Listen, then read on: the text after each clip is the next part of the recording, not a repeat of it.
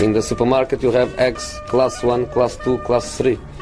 And some are more expensive than others and some give you better omelets. That's the wrong information. Wrong, wrong, wrong information. I didn't say that. That's the wrong information.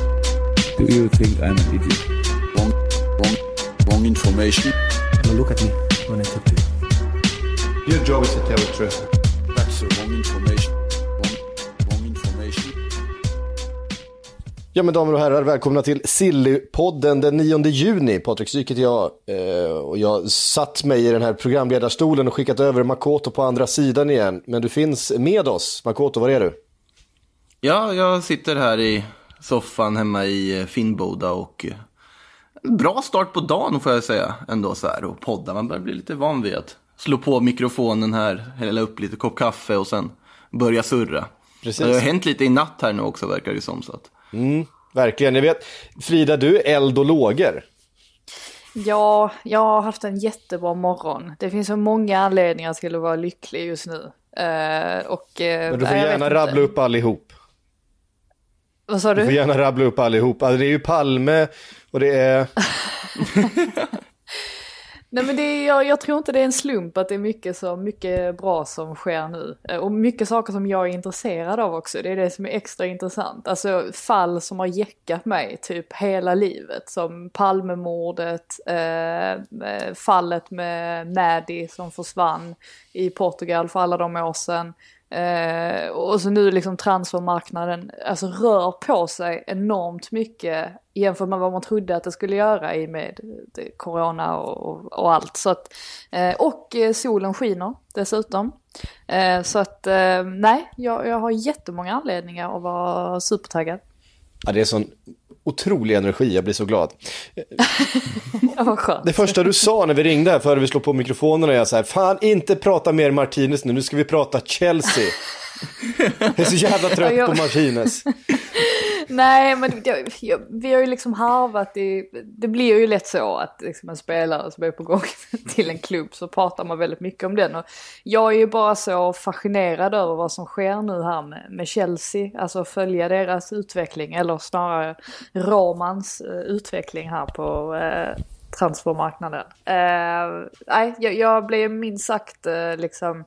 Eh, exalterad men i alla fall fascinerad över de senaste ryktena som jag antar att vi kommer eh, gå igenom nu.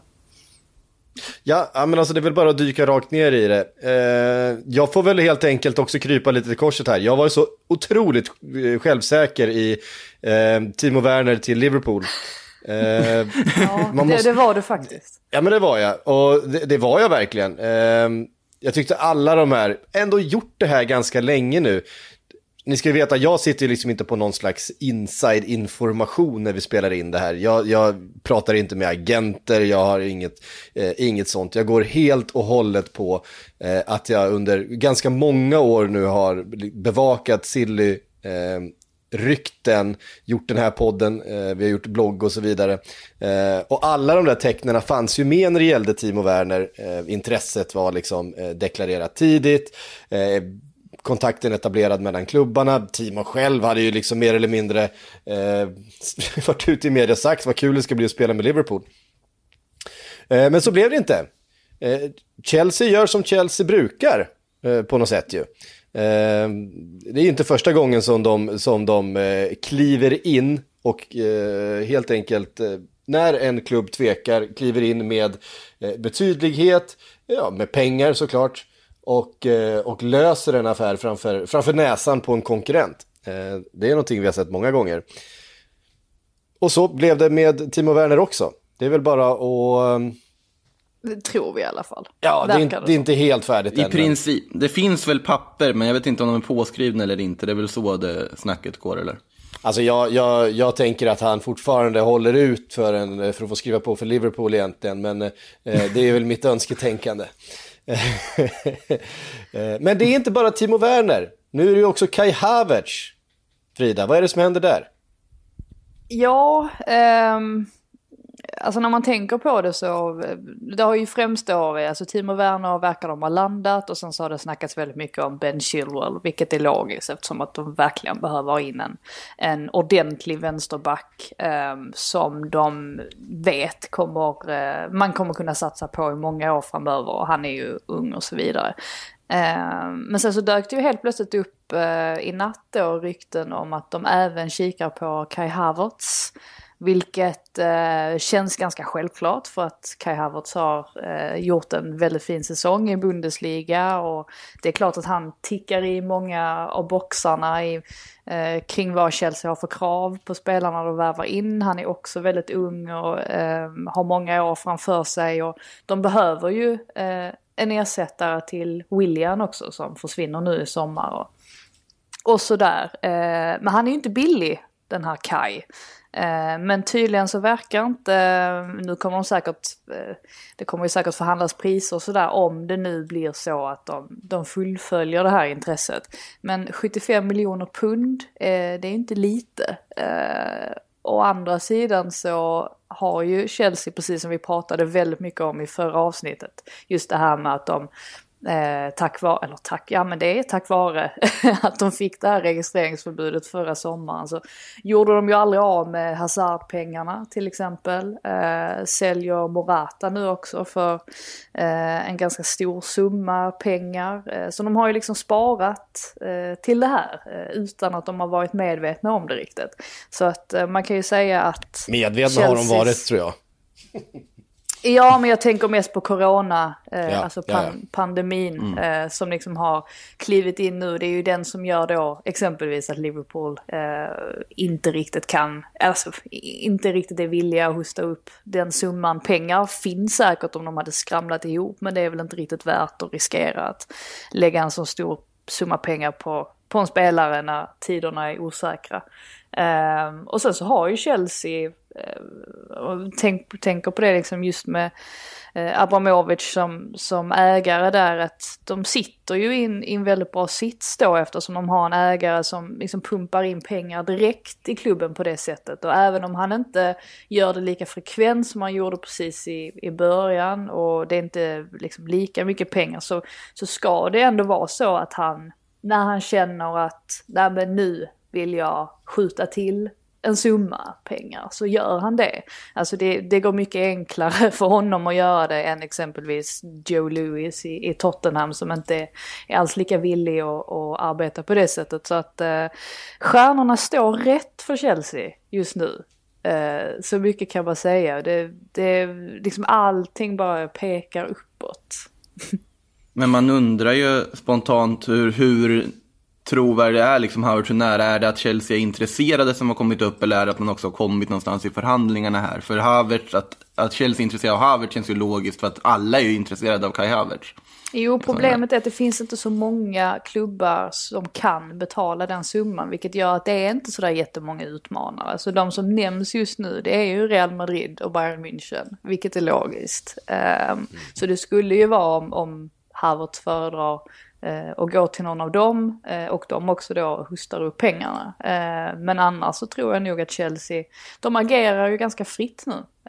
Har vi ju sett. Så att jag tror ändå att det kan, kan finnas en ganska stor möjlighet att uh, de blir av. Det, det som är oerhört det som är oerhört imponerande ändå med hur Chelsea agerat hittills, det är ju att priser, när man tittar på Ziyech och Timo Werner så är det otroligt bra priser för så pass bra spelare som de har fått in. Sen får man ju se vad prislappen skulle bli på Chilwell om de får honom och så vidare också, men det är, det är väldigt bra sportchefsarbete på något sätt där också som verkar pågå.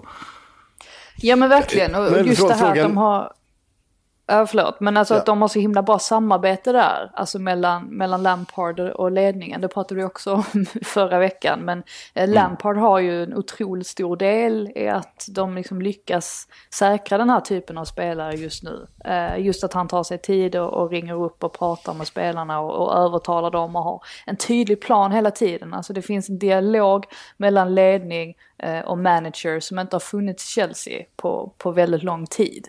Eh, så jag tror definitivt att det också alltså, har väldigt stor inverkan kring varför det utifrån sett eh, i alla fall verkar vara eh, väldigt harmoniskt och, och, och bra strategiskt. Mm. Sen är frågan, hur, vart ska alla få plats? De, de här investeringarna, hur kommer de gå ut över det projektet som Chelsea liksom initierade förra säsongen med alla, eh, alla ungdomar som tog plats. Jag tänker på en Mason Mount, eh, Hudson Odoi, Tammy Abraham och så vidare. Eh, hur, hur ställer ni er till att man... Eh, ja, men se- om vi förutsätter nu att både Kai Havertz och Timo Werner kommer in. Det, vi har ju en Pulisic där också. Eh, Mason Mount nämnde jag. Eh, vi hade en... Eh, Eh, Billy Gilmore eh, som eh, slog igenom eh, sent på den, ja, säsongen inför, eller precis före eh, uppehållet. Eh, Hudson och Doy. Det finns, det finns plötsligt otroligt mycket eh, spännande spelare som ska liksom försöka ta plats då bland de här eh, stjärnorna. Eh, hur ställer ni er till det?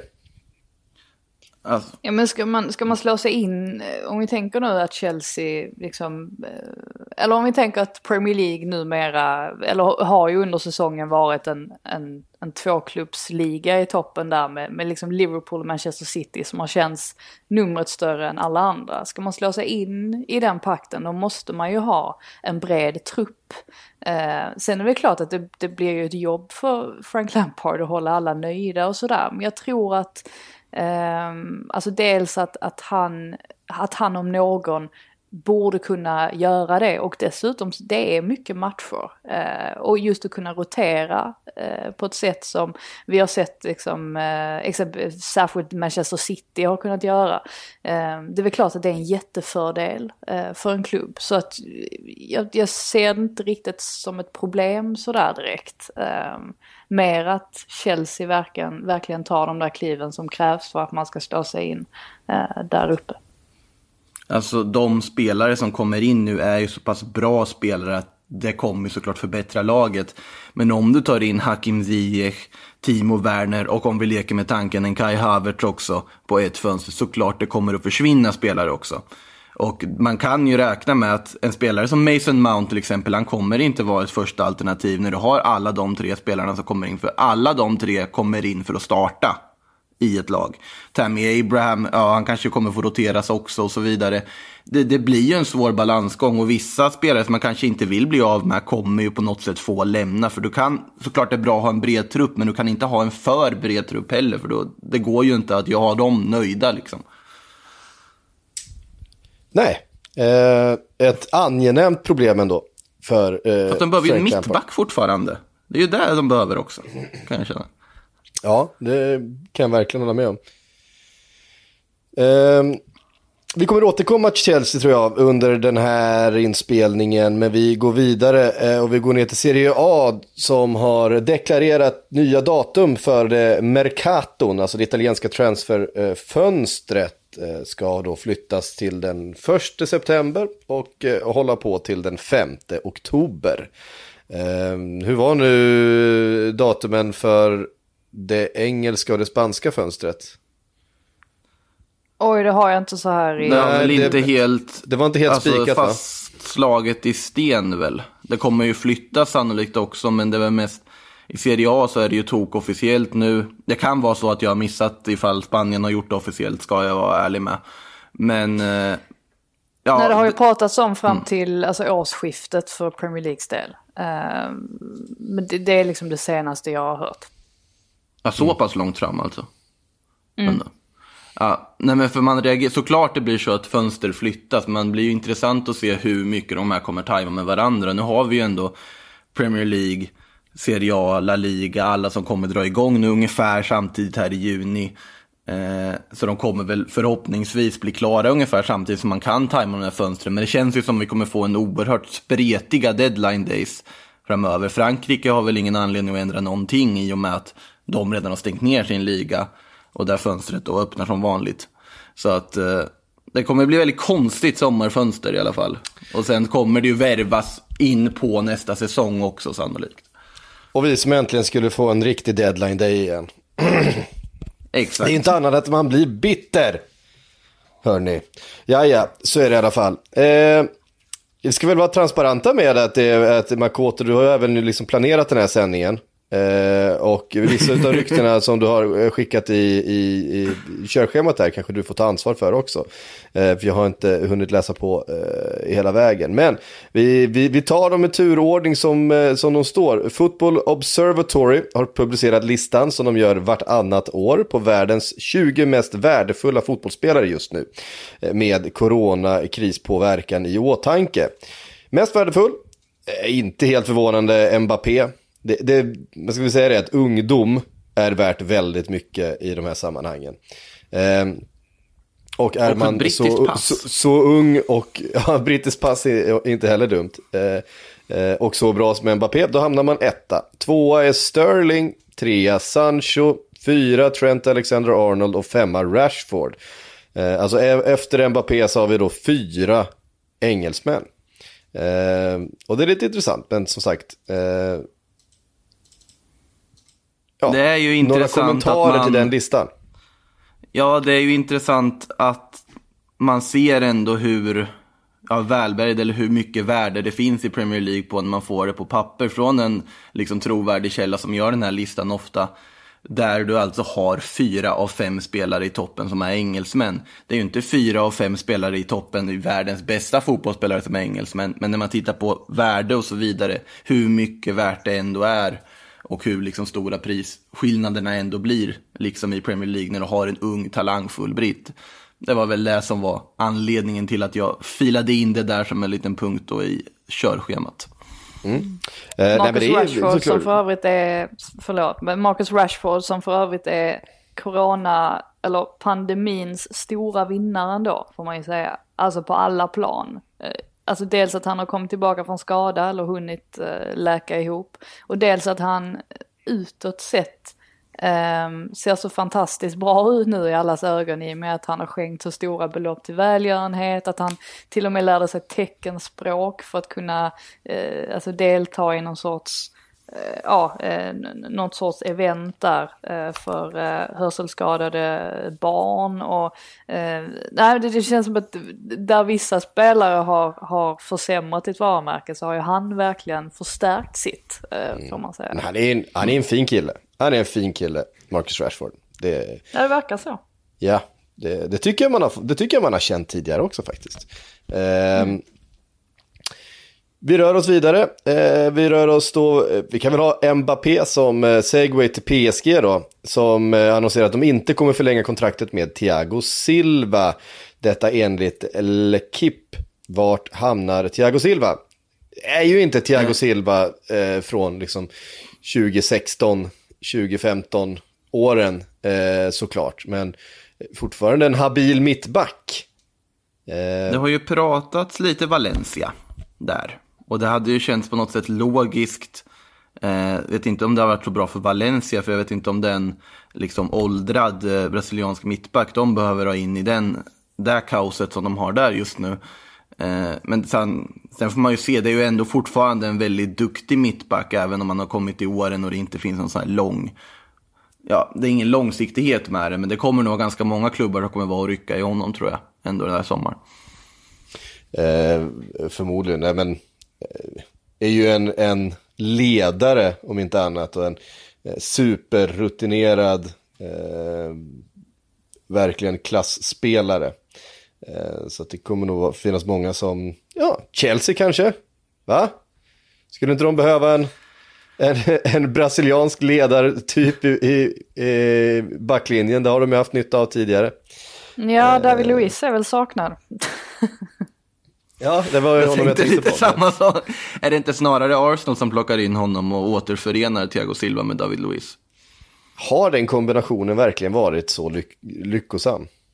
Ja, men den är ju fin. Det är någonting vackert med den kombinationen. Man blir ändå glad av att se den kombinationen. Jag blir det. Sen är den inte alltid superfungerande, men ja, man blir glad att se den. Väldigt mycket på grund av den här bilden som florerade för något år sedan, där med de där små barnen som ser precis ut som miniatyrer av Thiago Silva och David Luiz. Den var väldigt, väldigt fin tyckte jag. Jag gillar den kombinationen. Den, den, jag känner mig trygg med den ändå. Mer PSG. Edinson Cavani. Eh, Edison Cavani rakar får står det här. Jag har inte ens klickat på länken. Ja, du har inte klickat på länken, det är hela grejen med, ja, i alla fall. Ja, Eh, ja precis. Nu ser jag den. Herregud, ja han står och rakar får. Eller man Ja, det- klipp, det- klipper får säger man. Man säger klipper får. Man rakar, man klipper får. Ja, det märks att jag inte har eh, växt upp på landet helt och hållet här nu när man misstolkar hur man eh, då avlägsnar eh, ull från får. Men, ja, men det är ganska häftigt ändå att se liksom, det är det han gör just nu i det här läget. Nu har ju ligan liksom stängt ner. Men det är tre veckor kvar tills hans kontrakt går ut. Det är många som surrar hit och dit om vad ska Edinson Cavani göra? Vilka kommer värva honom och så vidare. Eh, det, enligt media så är det ju fortsatt allt som tyder på Atletico Madrid. Det har varit inne på den här podden tidigare också, även om man har ryktat både hit och dit. Att Atletico ändå känns både bäst för Atleticos del och bäst för Cavanis del på något sätt att göra den övergången. Och ryktena säger ju också att det ändå är Atletico han siktar på. Men då får man ju fråga sig vad som händer med Alvaro Morata. Och i italiensk media så har ju han kopplats ihop lite med Inter nu. Jag vet inte vad Inter skulle med Alvaro Morata till heller riktigt, men det, det finns ju lite ett anfallspussel där med lite åldrade forwards att flytta runt lite i de större klubbarna. Så det blir intressant att se hur de där schackpjäserna kommer röra sig här i sommar.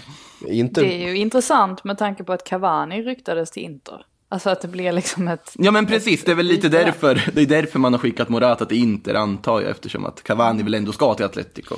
Eftersom eh, Lautaro Martinez då ska till Barcelona, eller?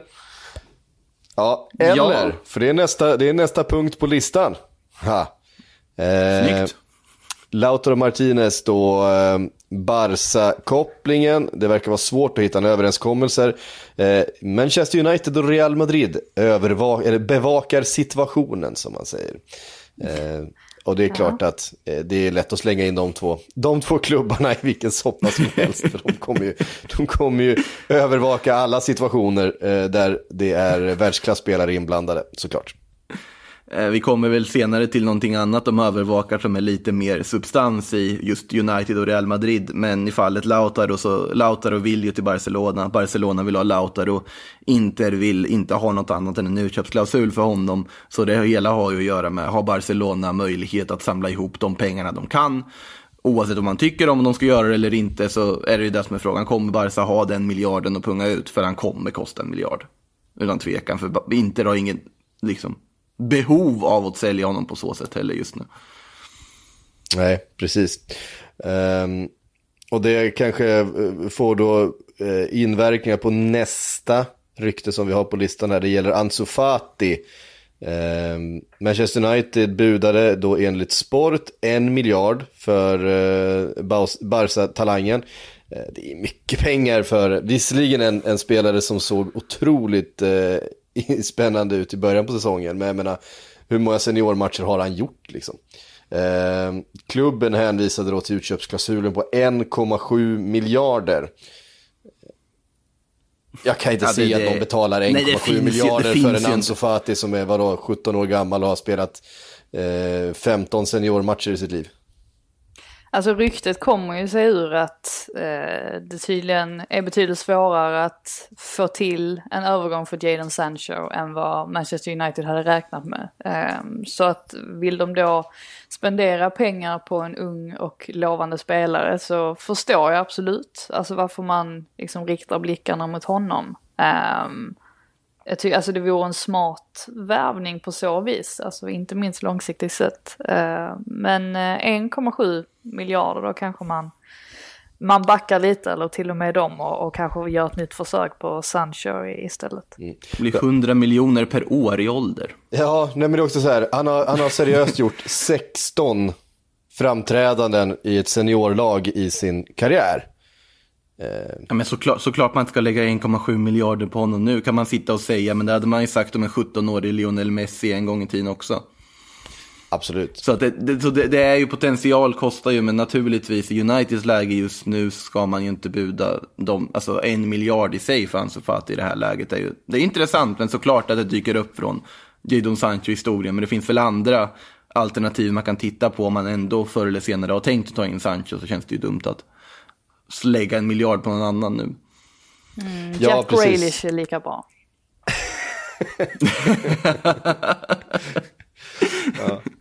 På tal om, på tal om att ha stärkt sina aktier under corona-karantänen. Exakt. Eh, men han har bra vader. Det måste ju också vara värt någonting. Ja, men han är såklart att han är bra. Jag skojar ju lite. Eh, Men eh, han är kanske inte lika mycket värd som eh, Sancho och Fati är. Men Nej. det har, har ju mycket att göra med ålder, såklart. Ja, precis. Vad är Grealish? Typ 22 va?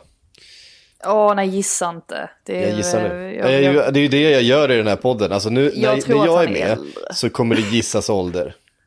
Är inte han äldre, ja, tänkte jag också. Jo, jag tror han är typ 24, något sånt. Alltså, han har ju varit väldigt länge i Villa ändå. Men Ja, han slog ju igenom väldigt igenom. tidigt också. Ja, han är 24, det stämmer bra. Det stämmer bra. Snyggt. Han är född 95, så att han fyller till och med 25 lite senare i år. Här. Mm. Mycket riktigt. Eh, Tutto Sport skriver att eh, Miralem Pjanic eh, på gång till PSG och Marco Verratti till Juventus.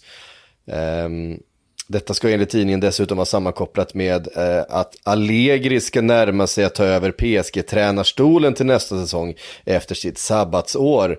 Ehm, uppgifter om Allegri till PSG började florera redan i mars och lever fortsatt. Ja, vad säger ni om först då Allegri till PSG? Eh, det, det har ju pratats om det av förklarliga skäl. Alltså Allegri är ju ett av de mest bästa tränarnamnen som finns tillgängliga.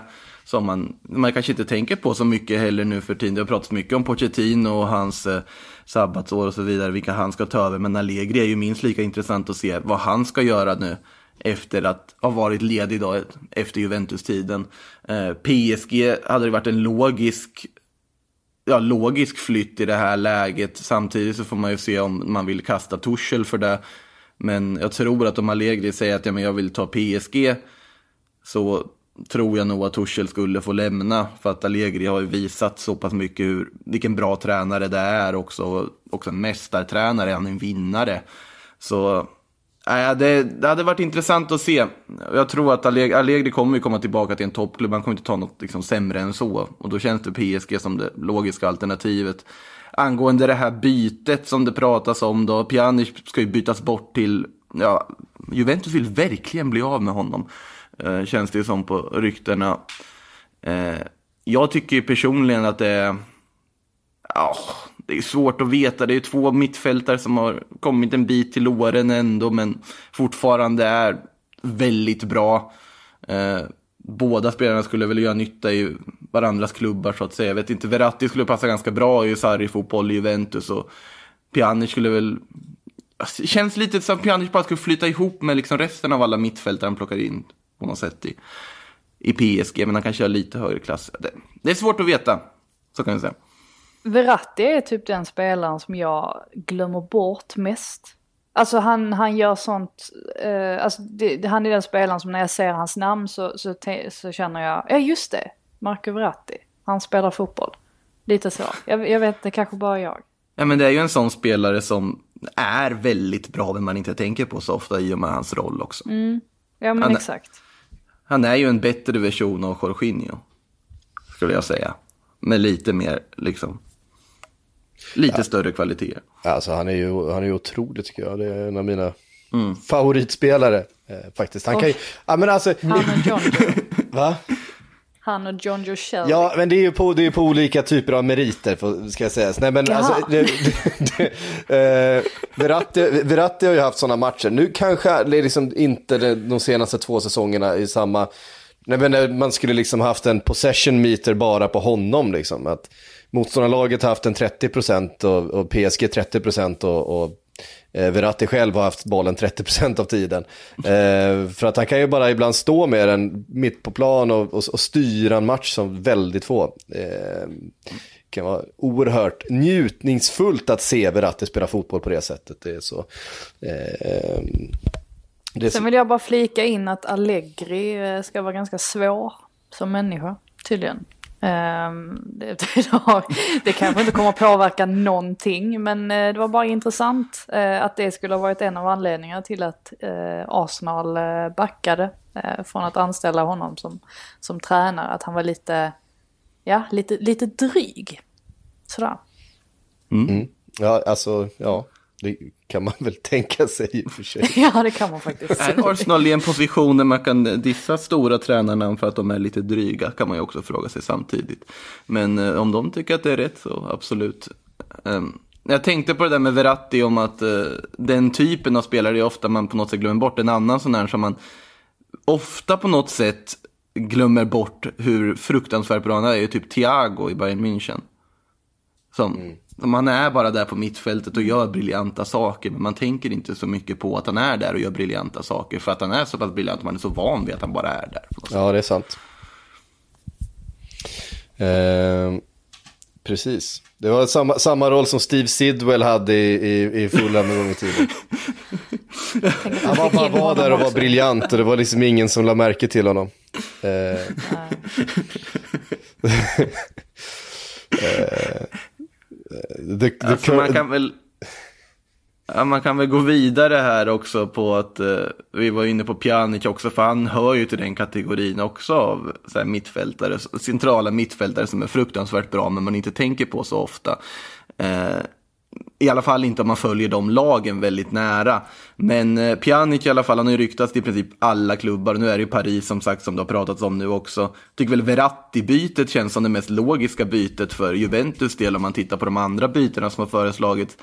Eh, I och för sig Artur hade ju varit fantastiskt byte för dem också, men Artur vill ju inte dit. Men Pjanic ska i alla fall ha sagt nej till City och PSG i hopp om att det fortfarande ska bli Barcelona på ett eller annat sätt i alla fall. Detta enligt Marca. Ska man väl också tillägga som en brasklapp.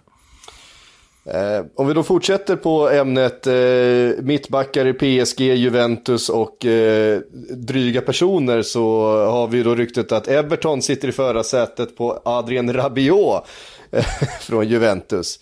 Eh, verkligen en spelare som tickar många boxar där.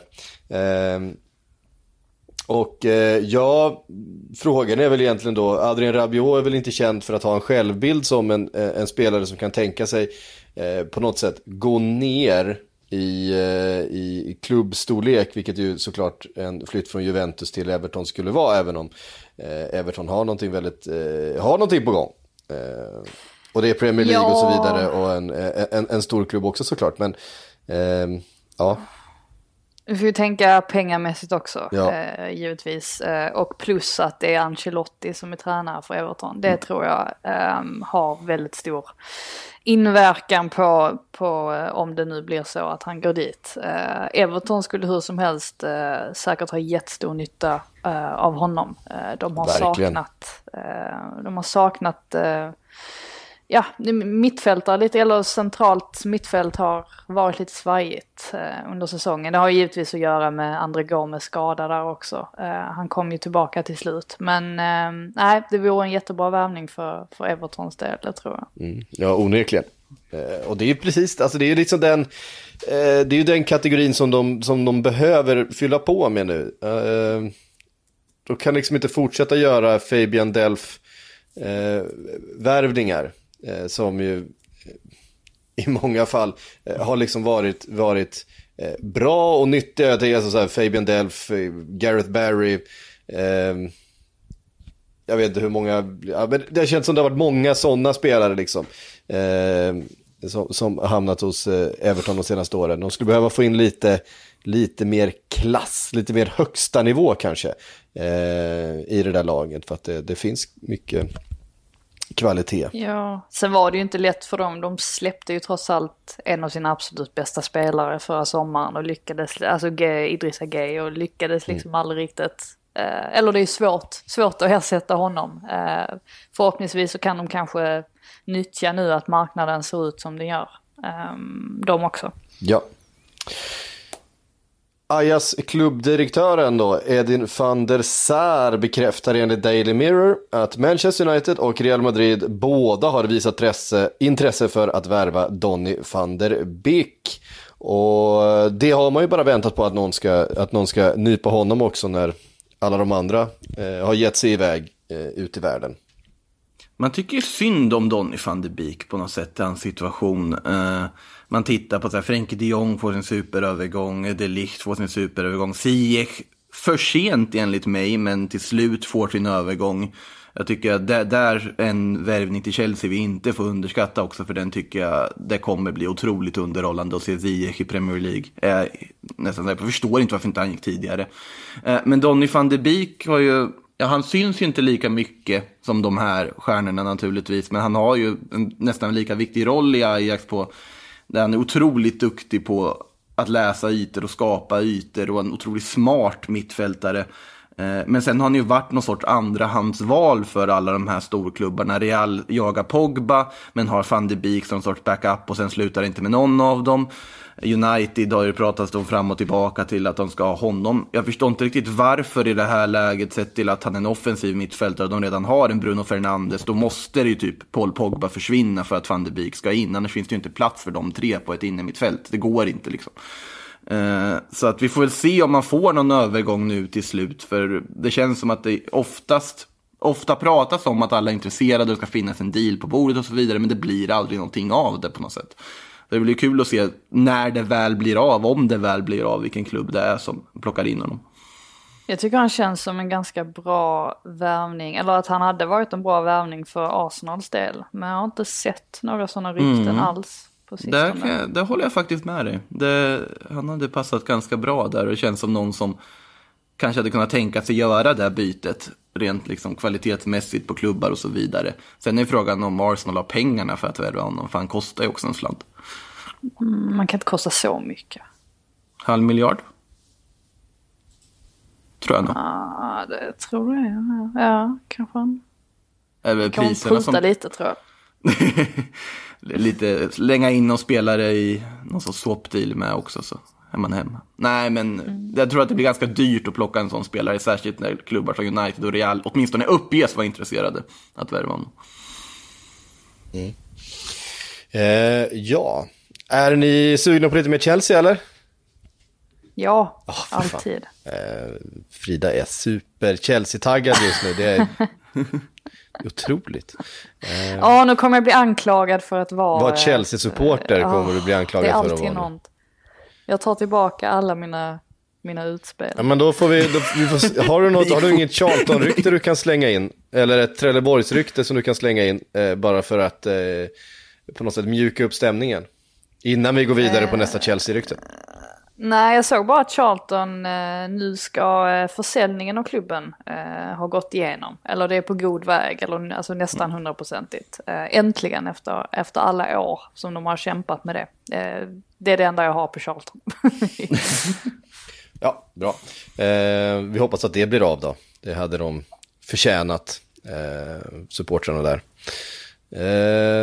The Guardian skriver i alla fall att Chelsea funderar på att plocka hem Nathan Ake. Eh, Då på tal om mittbackar. Eh, Den har man inte hört förut. Att han ska vara de för försökte ju, de försökte ju i vintras väl? Ja, Eh, och fick nobben utav, utav Bournemouth. Men det är klart att av de här klubbarna som riskerar nedflyttning nu då, Bournemouth ligger ju riktigt pyrt till. ehm, så är ju Nathan Ake en av de här spelarna som det kommer bli med liksom budgivning kring och som kommer ha möjligheten att gå till någon av de, de större klubbarna i, i, i England eh, efter den här säsongen, om man vill.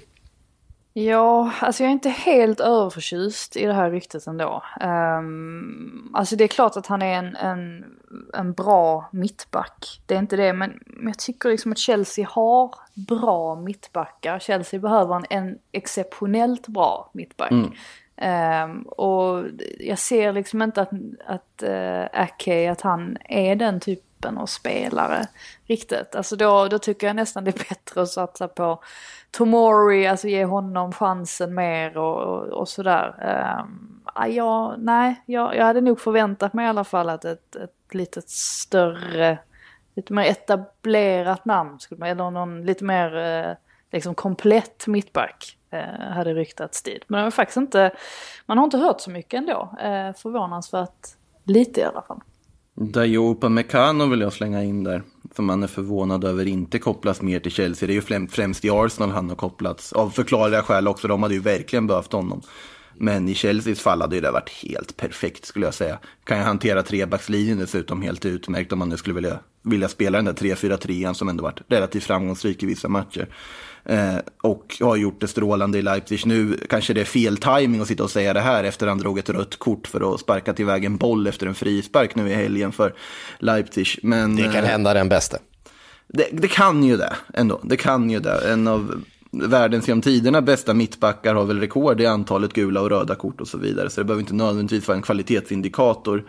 Eh, så att, eh, men jag tycker Upamecano hade varit perfekt och jag förstår, med tanke på att det här priset också uppges vara ganska lågt sett i sammanhanget, så jag förstår inte varför det inte är en riktig huggsexa. Kanske det är, bara att det inte skrivs så mycket om det. Ja, vi ska säga det att det finns eh, snart då, ni, när ni lyssnar på det här så kommer det alldeles strax finnas en, en scouting-rapport på Upamecano. Om ni går in på bloggen och följer länkarna där så kommer ni hitta eh, i Aftonbladets app får man vara då. Eh, finns exklusivt där eh, att lyssna på. Gjord av eh, Makoto.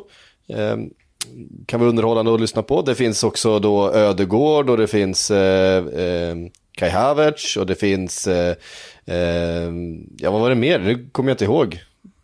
Ja, det, väl- det ligger väl någon Ferran Torres Ferran Mattias Cunha i pipelinen där också tror jag. Jajamän. Eh, och ja, det, det, det, det fylls på. Det fylls på helt enkelt. Sakteliga dyker det upp lite nya, så får vi se vad som, vad som fortsätter att dyka upp här under Ja, sommaren. och kom gärna med förslag om ni vill att, eh, att vi ska göra någon sån, nå, nå fler scoutingrapporter eh, under sommaren här så, så, så gör vi det eh, helt enkelt. Eh, Le Dysport eh, skriver att eh, Mourinho, ber om ursäkt för mitt franska uttal, eh, Mourinho har bett om att Spurs ska försöka värva Ruben Neves från Wolves. Eh, kan bli svårt, kan bli dyrt, men kan också bli ganska bra för Spurs om de skulle lyckas. Ja, jag fattar ju verkligen varför han är intresserad eh, såklart. Men jag tror att det blir jäkligt svårt eh, att lösa honom med tanke på allt man läser om. Eh, om Tottenhams ekonomiska situation just nu. Eh, jag tror inte att det blir många värvningar för deras del nu i sommar. Tyvärr för Mourinhos del. Det känns ju som större chans att Wolves ska värva Mourinho än att Spurs ska värva Neves. ja, faktiskt. Alltså, i- alltså i dagsläget på något sätt. Ja, eh, nej, alltså Tottenham har ju, har ju det kämpigt eh, ekonomiskt med tanke på den eh, enorma eh, skulden man drog på sig vid bygget av arenan. Eh, de uteblivna intäkterna som eh, corona har medfört och så vidare. Eh, det, kommer, det kommer inte vara någon enorm transferbudget han har att jobba med där, Mourinho. Eh, Osman Dembélé. Mm. Har ni, hade ni glömt honom? Han förväntas i alla fall bli kvar i Barcelona enligt hans agent. Eh, vad heter hans agent Makoto?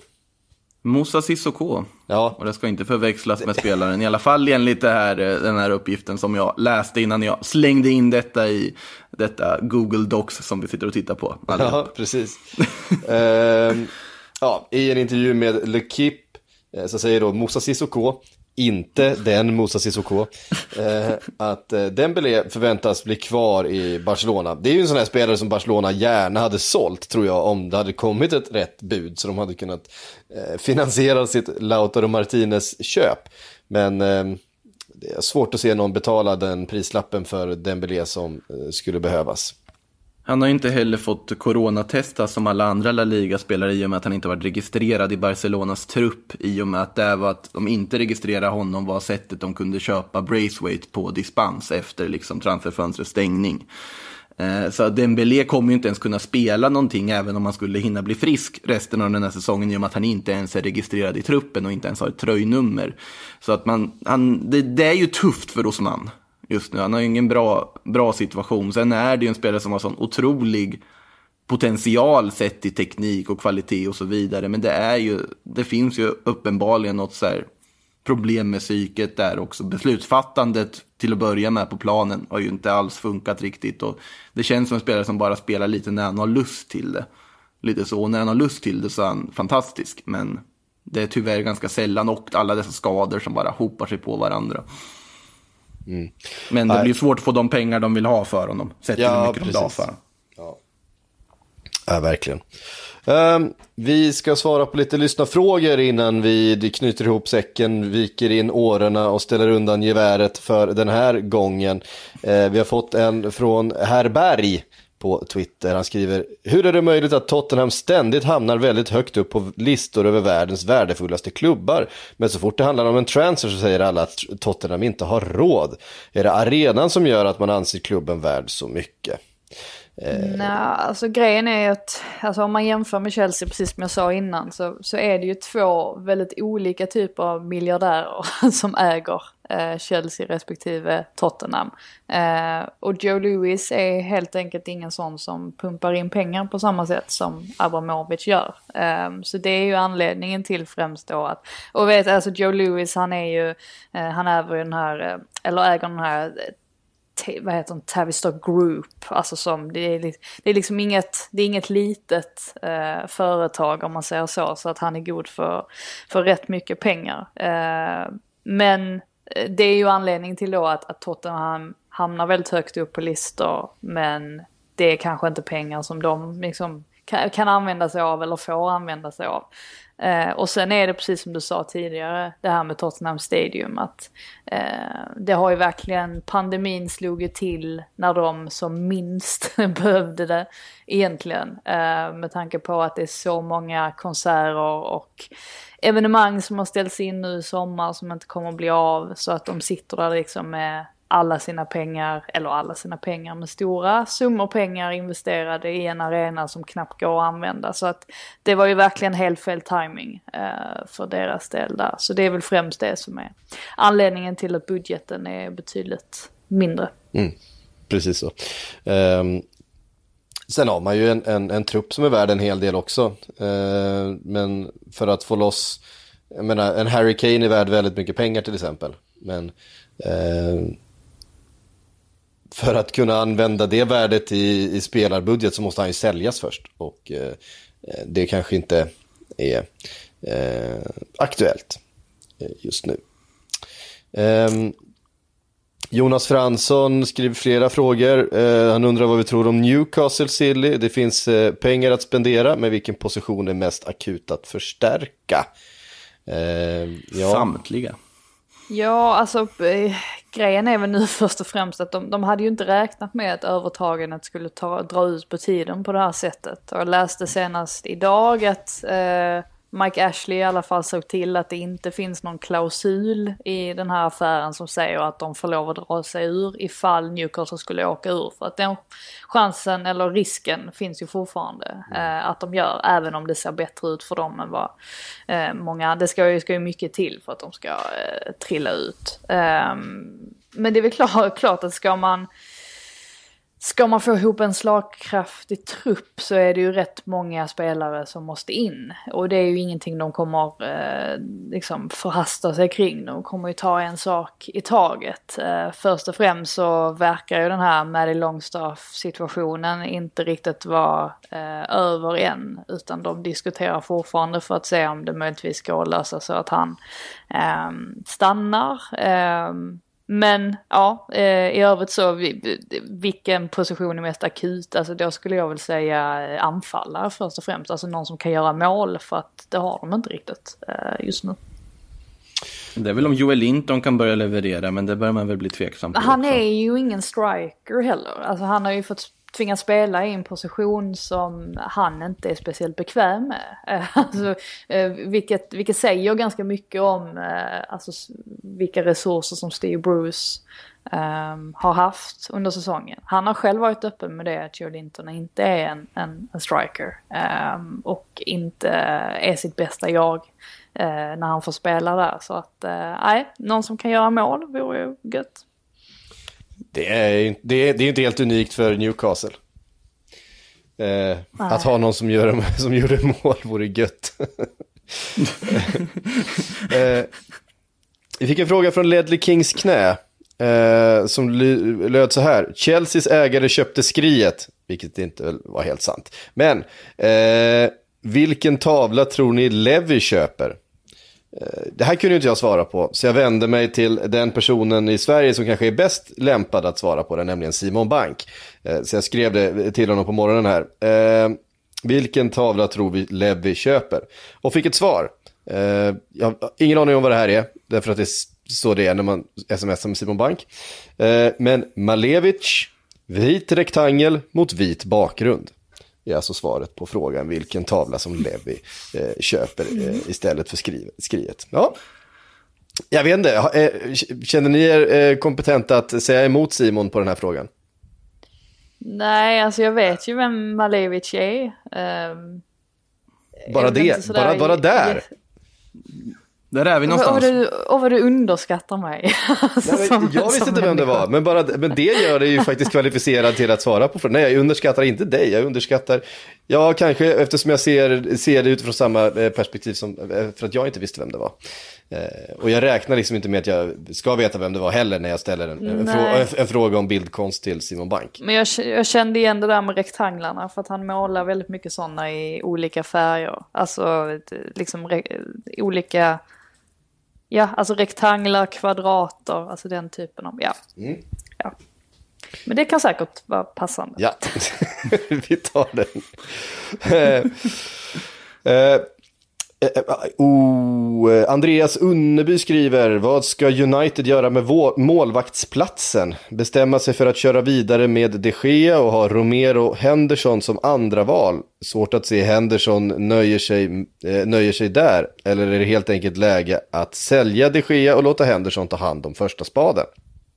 Mm, det är ju frågan. Um, och det är rätt så intressant. Den, uh, det har ju hamnat lite i skymundan uh, nu i och med allt annat som har hänt. Men det ska ju tas ett beslut där. uh, antagligen då så fort den här säsongen är över. Jag har ju väldigt svårt att säga att Henderson kommer liksom kunna tänka sig att vara tvåa. Eh, inte med tanke på att han nu liksom snackas om att han kan gå rakt in eh, i engelska landslaget. Eh, helt, vore helt orimligt om han skulle Eh, acceptera då att, att vara andra målvakt. En lösning är ju att låna ut honom ännu en säsong eh, och behålla de Gea. Eh, det känns väl lite grann som att det kanske är så man kommer göra. Alltså nu bara så här när man eh, tänker på det. Ehm, Annars tycker jag ju definitivt att Henderson är, är den målvakten man ska, man ska satsa på. Eh, att det är där framtiden finns. Och de Gea har ju, eh, det är klart att han fortfarande är en av världens bästa målvakter. Men han har ju svajat lite också eh, under,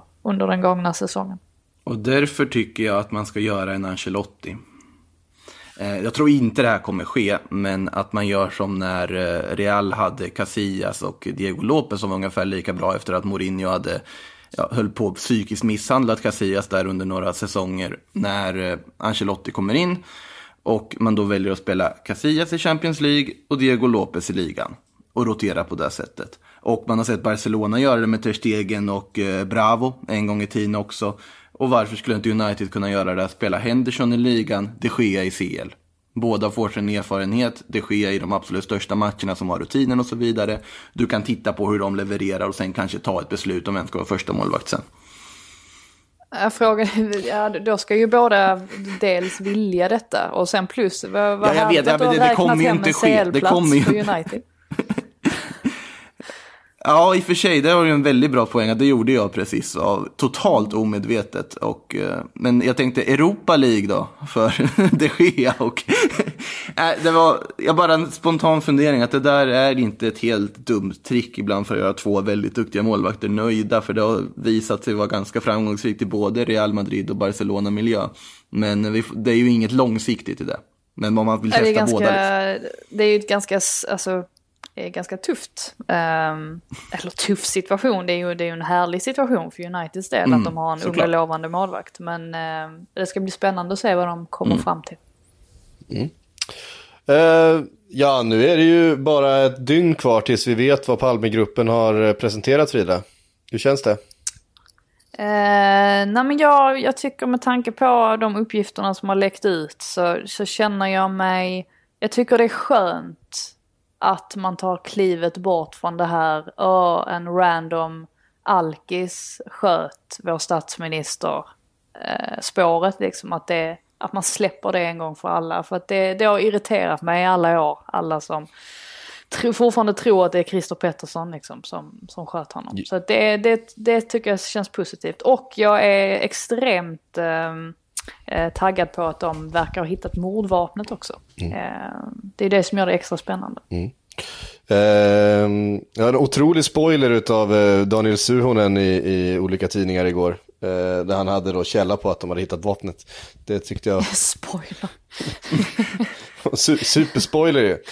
Eh, Ja. eh, vi, vi rundar av då med en fråga från dödstrubaduren. Eh, vilken spelare har bäst privatspanar-aura? alltså James Milner har det ju. Ja, James Milner skulle ju kunna vara, liksom, ha en egen så här deckarserie där han går omkring och utreder mord samtidigt som yes. han... eh, Nej, Jag tycker han verkar för, eh, för, för liksom vettig, höll jag på att säga. Nej, men alltså, han verkar för, för mycket down to earth på något sätt. Det ska ju vara någon som är lite ehm, excentrisk med. Det beror ju på vilken typ av serie du vill ha också. Det känns som att Milner hade funkat perfekt i en sån här brittisk BBC-serie på liksom fyra avsnitt eller Jo, vad det är. men en privatspanare är ju inte samma sak som en, en, en span... Alltså det är ju, en privatspanare är ju en person som står utanför det här. Alltså som vill vara en, en riktig spanare. Men som liksom får nöja sig Vet med ni- att liksom göra det på fritiden. För, på, på tal om, alltså Joey Barton har ju en jävla privatspanar-aura. Han, är, han, han sitter ju lätt och kollar konspirationsvideos på YouTube på nätterna och såna här saker. Dejan Lovren. Nej, det. Nej men det är just det vi har ju. Ja men precis. Eh, Exakt. Där har vi ju verkligen Där en kille det. som, eh, eh, som gillar att och, eh, och prata i den typen av, av om, och prata om den typen av saker i Just alla det. fall. det Spelar stämmer. mitt på jobbet, löser, löser mord på kvällen. Där har vi. Ja, men Dejan Lovren då? Ja men kanske det. Det, det, det, får, det får bli så. Det får bli så. Hörrni, tusen tack för att ni var med. Det var alltid han idag, tisdag. Eh, Sillypodden är snart tillbaks igen. Tack Makoto, tack Frida för att ni var med. Tack för att ni har lyssnat. Hej på er!